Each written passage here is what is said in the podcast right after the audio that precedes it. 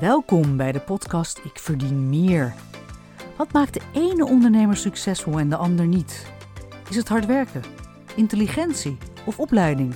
Nee, maar wat is het dan wel?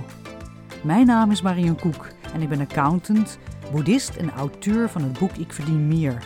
Ik geloof dat elke vrouwelijke ondernemer succesvol kan zijn. Maar hoe kom je daar? In deze podcast neem ik je graag mee op mijn zoektocht naar een gelukkig en succesvol ondernemerschap. Natuurlijk spelen geld en hoe je daarmee omgaat een rol.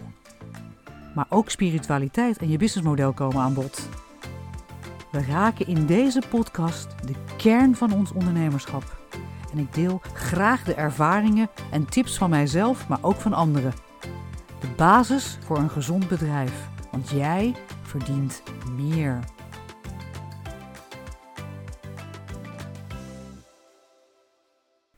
Hallo luisteraars, wat fijn dat jullie weer aansluiten. Wat een prachtige dag is het vandaag. De zon schijnt en het is 30 graden. En wellicht lig je aan het strand. Juist een moment om te kunnen luisteren naar een podcast. Liggend in de zon, genieten en een nieuwe podcast. Vandaag dacht ik, het is tijd voor een nieuwe podcast. Dus ik trok een Creating Value kaart uit de stapel.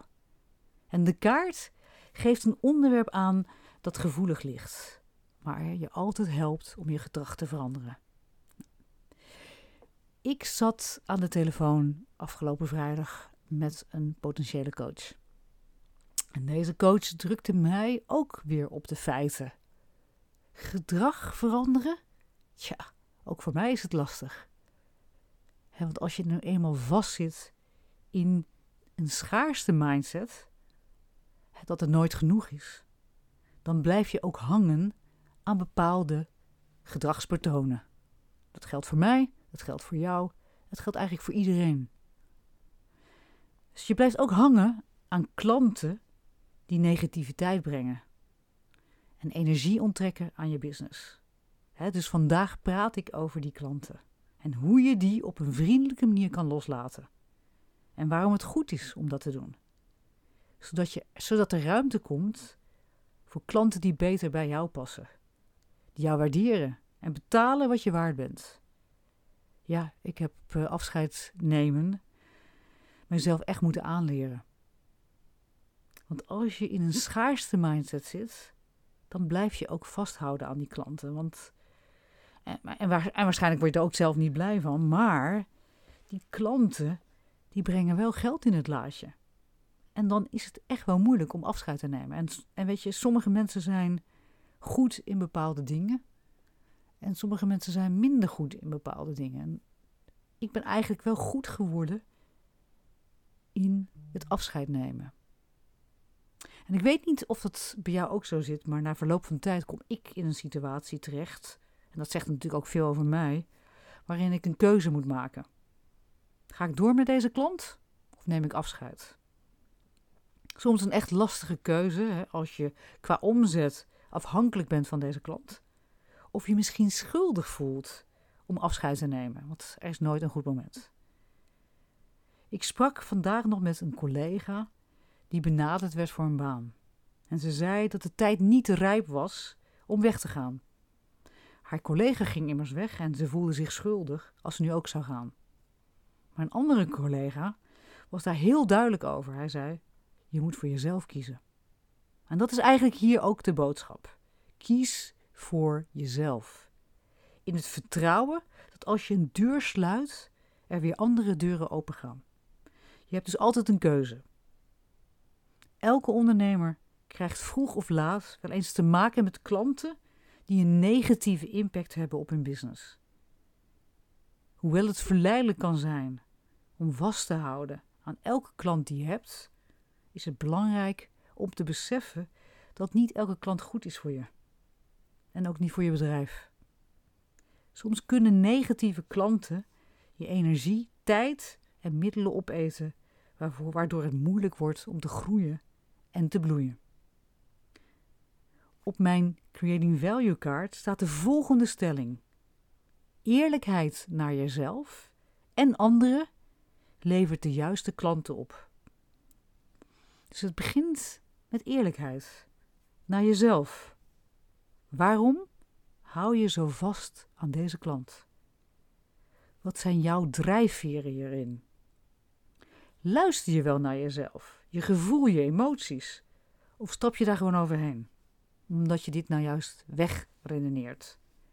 Want je hebt altijd een reden om vast te houden.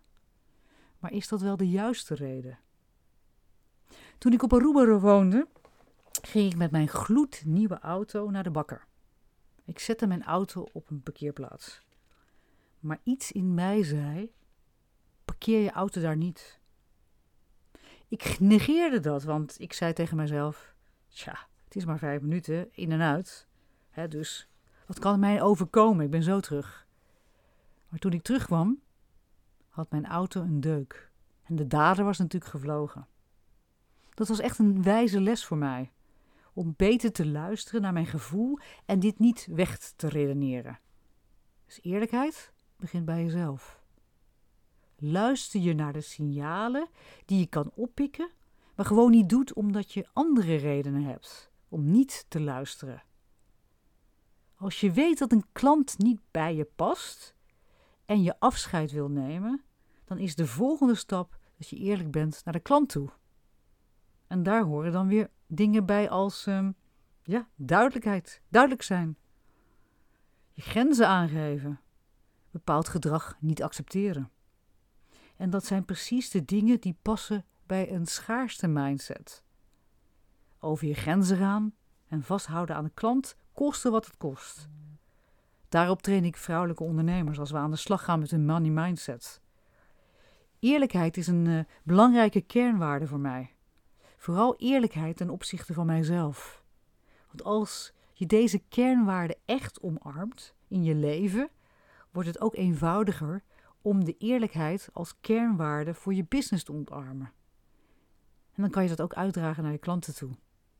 Dus ken jezelf, zeg ik altijd. En ontdek wat jouw triggers zijn en waarom. Een paar maanden geleden coachte ik een vrouwelijke ondernemer. Die geen gebrek had aan klanten. Maar er was één klant op haar lijst die haar letterlijk ongelukkig maakte. Ook ongeduldig waarschijnlijk. Deze klant betaalde haar rekeningen een heel jaar niet. En het ging haar leven beheersen. Ze kon de klant echter niet loslaten. Bedenk maar, weet je, die klant die betaalt niet, maar je gaat toch door met activiteiten. En dan gaat die rekening natuurlijk op, oplopen. En wat ga je dan doen? Maar elke dag werd ze bozer en ongelukkiger.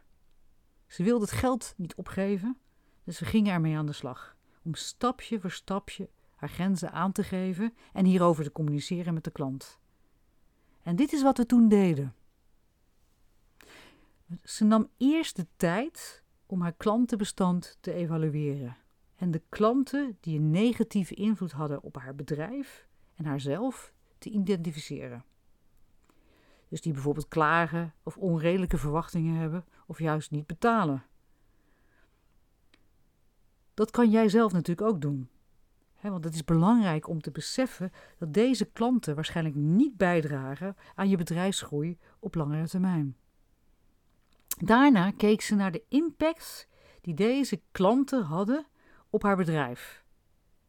Nemen ze veel tijd en middelen in beslag? Zorgen ze juist voor negatieve werkomgeving? En als de negatieve impact groter is dan de voordelen voor het behoud van deze klanten, dan is het tijd om actie te ondernemen. Dus toen kwam het besluit, of het moment om te besluiten van wie ze afscheid wil nemen. Dus als je besloten hebt om een negatieve klant los te laten, is het belangrijk om dit op een duidelijke en respectvolle manier te communiceren. Leg uit waarom je niet langer kunt voldoen aan hun behoeften en stel eventuele alternatieve oplossingen voor. In het geval van mijn klant werkten we daar samen aan. We zochten een manier en oplossing die bij mijn klant paste, waar ze zich goed bij voelde. En om te voorkomen dat je dus in de toekomst negatieve klanten aantrekt, is het essentieel om duidelijke grenzen en goede voorwaarden te stellen, vooraf. dus dat kan inhouden dat je betalingsvoorwaarden, je gedragsregels of andere relevante regels communiceert, zodat potentiële klanten weten wat ze kunnen verwachten. En belangrijk is dat je je aandacht en tijd richt op de klanten die waarde toevoegen aan jouw bedrijf. dus weet wie, wie de klanten zijn die loyaal zijn, positief bijdragen en de missie en waarde van je bedrijf delen. En door je te concentreren op deze klanten gaat je bedrijf groeien en floreren. Maar wanneer kom je nou op dat punt dat je afscheid neemt van zo'n klant? Wanneer zeg je: Dit wil ik niet meer? Ik kan dit niet meer. In het geval van mijn klant ging haar klant voortdurend over haar grenzen heen. En hij had geen respect voor haar. Maar zij gaf deze ruimte. Ze kende zijn financiële situatie en vond daardoor redenen waarom ze haar grenzen niet kon aangeven en voelde zich ook nog eens schuldig. Totdat ze besefte dat deze klant geen enkel respect voor haar had. Want respect was een van haar kernwaarden. En dan komt er een moment dat je iets anders moet doen dan dat je daarvoor deed. Anders blijf je dezelfde resultaten boeken. Maar dat kost moed en verandering van je eigen gedrag. En soms kan je dat niet alleen. Een ander ziet dit vaak beter dan jijzelf en kan, kan je een spiegel voorhouden zodat je het zelf ook gaat zien. Eerlijkheid kan je dus helpen om van klanten afscheid te nemen, maar ook om juist nieuwe klanten aan te trekken. Maar hoe kan eerlijkheid je nou helpen om de juiste klanten aan te trekken? Ik geloof erin dat als je een deur sluit, er nieuwe deuren voor je opengaan. Ja, ik spreek uit ervaring. Ik ben nu zover dat ik graag de deur sluit als ik het gevoel krijg dat ik onvoldoende waarde kan toevoegen aan mijn klant. Of als de klant mijn waarde onvoldoende ziet. Dan houdt het voor mij op en dan ben ik weg. Op een of andere manier komt er dan weer een andere klant die het gat opvult. Ik vertrouw daarop. Ik schiet dus niet in de stress en dat maakt het gemakkelijker om afscheid te nemen. Natuurlijk neem ik wel actie om dit zelf te creëren. Ga dus niet zitten op de bank en denken van oké, het komt vanzelf. Grenzen aangeven is een belangrijke factor voor succes. Dus aan de voorkant naar je klanten duidelijk aangeven wat je kan bieden en onder welke voorwaarden. En dan komt, komt natuurlijk wel het volgende stapje, en dat is een grote stap eigenlijk, dat je aan je grenzen moet houden, zodat je niet achteraf moet repareren als het misgaat. Als je daar niet zo goed in bent, hè, dan kan je dat heel veel kosten. Tijd, geld, ergernis, frustratie. En soms zo erg dat andere klanten hieronder gaan lijden. Omdat je zo bezig bent met die klant of klanten waar je eigenlijk afscheid van moet nemen. Dus hoe kan nou eerlijkheid je helpen om de juiste klanten aan te trekken? Eerlijkheid betekent dat je jezelf laat zien zoals je bent. Je communiceert op een authentieke en transparante manier, zonder verborgen agenda's. Dit trekt klanten aan die op zoek zijn naar echte verbinding en betrouwbare partners. Eerlijkheid is ook de basis van vertrouwen. wanneer je eerlijk bent naar jezelf en anderen, bouw je een reputatie op als een betrouwbare professional. Klanten voelen zich comfortabel bij het werken met je en hebben het vertrouwen dat je hun belangen oprecht behartigt. En sommige mensen hebben dat al van nature, hè, dat die, dat, die stralen dat aan, uit, die stralen dat uit en, en trekken daardoor de klanten ook aan. Eerlijkheid houdt in dat je realistische verwachtingen schept en eerlijk bent over wat je kan bieden. Je belooft geen resultaten die je niet kunt waarmaken dit stelt klanten in staat om wel overwogen beslissingen te nemen en voorkomt teleurstellingen in de toekomst. Dit is ook heel erg belangrijk omdat je daardoor uh, niet alles belooft aan je klanten om die klant maar binnen te halen. Eerlijkheid creëert de basis voor langdurige en vruchtbare relaties met klanten. door, door dus eerlijk te zijn over je intenties, je capaciteiten, maar ook je beperkingen, kan je een solide basis leggen voor samenwerking op de langere termijn. Dit levert je loyale klanten op die terugkomen en je ook aanbevelen bij anderen. Eerlijkheid helpt je om klanten aan te trekken die resoneren met jouw waarden en jouw visie. wanneer je transparant bent over wie je bent en waar je voor staat, trek je mensen aan die zich ook kunnen identificeren met jouw boodschap. Dit leidt dan toch tot een natuurlijke en harmonieuze klantrelatie. En wat ik ook heb geleerd, is dat je zelf ook bepaalt wie je toelaat als klant. Oké, in het begin denk je natuurlijk dat elke klant meegenomen is en geld oplevert. dat je waarschijnlijk hard nodig hebt. Maar als je later ziet hoeveel energie en frustratie dit brengt als de klant geen goede match is, dan denk je de volgende keer wat beter na of jij met deze klant in zee wil gaan. Het mes snijdt aan twee kanten. De klant ziet een match in jou, maar jij moet deze match ook zien en voelen. Als je je dan door andere drijfveren zoals geld laat leiden, dan gaat er toch iets mis, waardoor de inkomsten niet in verhouding staan tot de ellende en frustratie die eruit voorkomt. Dus het loslaten van negatieve klanten kan aanvankelijk een uitdaging zijn. Maar het is wel een belangrijke stap naar het bouwen van een succesvol bedrijf. Onthoud dat het belangrijk is om jezelf te beschermen en je energie te richten op de klanten die waarde toevoegen en waar jij ook waarde aan kan geven. dus eigenlijk waar iedereen blij van wordt. Ik hoop dat je waardevolle inzichten hebt gekregen. En ik moedig je aan om deze strategieën toe te passen in je eigen bedrijf. Bedankt voor het luisteren en tot de volgende keer. Super leuk dat je weer luisterde naar deze podcast. Dank je wel.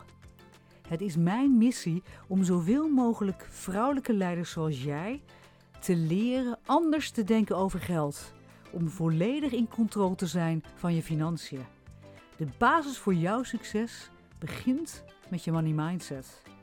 En wil je weten welke belemmerende overtuigingen jouw aandacht nodig hebben? Ga dan naar www.creatingvaluecards.com en doe de Money Mindset doorbraakquiz. En wil je alle podcastafleveringen volgen? Abonneer je dan op deze podcast. Klik hiervoor in je podcast-app op de button subscribe of abonneren. Ondersteun je mijn missie? Nog mooier. Geef mij dan een review via je podcast-app. Op die manier kan ik nog meer vrouwelijke leiders bereiken. Dank daarvoor.